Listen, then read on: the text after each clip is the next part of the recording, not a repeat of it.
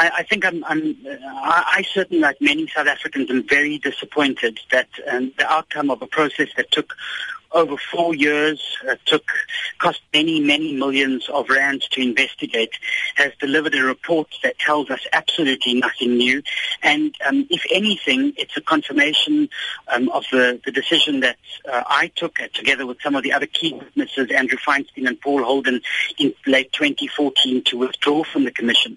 And we withdrew from the commission because civil society groups, over 40 of them, had called for the commission to be dissolved because many people had lost faith in its ability to uncover the truth. And I don't think that was a decision arrived at lightly. It was a decision that took with heavy hearts precisely because we believe that we need a judicial process that can find the, truth. But at the same time, it was clear that the Commission did not want to consider key pieces of evidence that was being put forward uh, in front of it. It was not calling many witnesses that it should have at that point, and, and certainly it would not allow us to present documents and evidence that we we had uh, through rulings that the commission had made. All of that was pointing towards the fact that we would end up with the report that we have today. But to see it in black and white, to see our president stand in front of the nation, a man who himself was implicated in corruption in the arms deal, to tell us that there's no corruption in the arms deal, in fact, an incredibly um, sad moment, I think, for, for justice in this country. And certainly, if anything, um, I think for, for ordinary citizens, um, it, it then points towards the fact of the concern that we're the powerful within business, in European arms companies, and of course within politics in our countries and other countries are involved in such arms deal, arms deal um, that uh, the processes are flawed to investigate such hmm. matters. There's a great possibility that they could get away with it. Is dit regtig moontlik dat die uh, kommissie met uh, die bevindinge na vore gekom het wat vanoggend aan die land voorgehou is?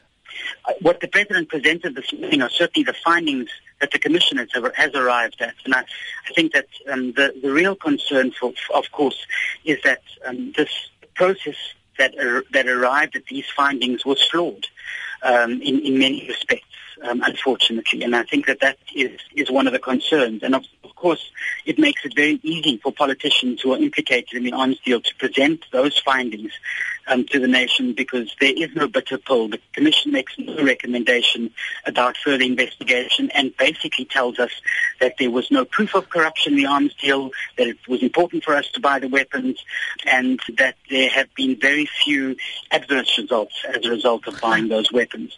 I think all of which are issues that we as the public still have the right to contest. Op daardie punt, is daar planne om dit verder te neem? Kan 'n mens dit verder neem en wat kan 'n mens doen?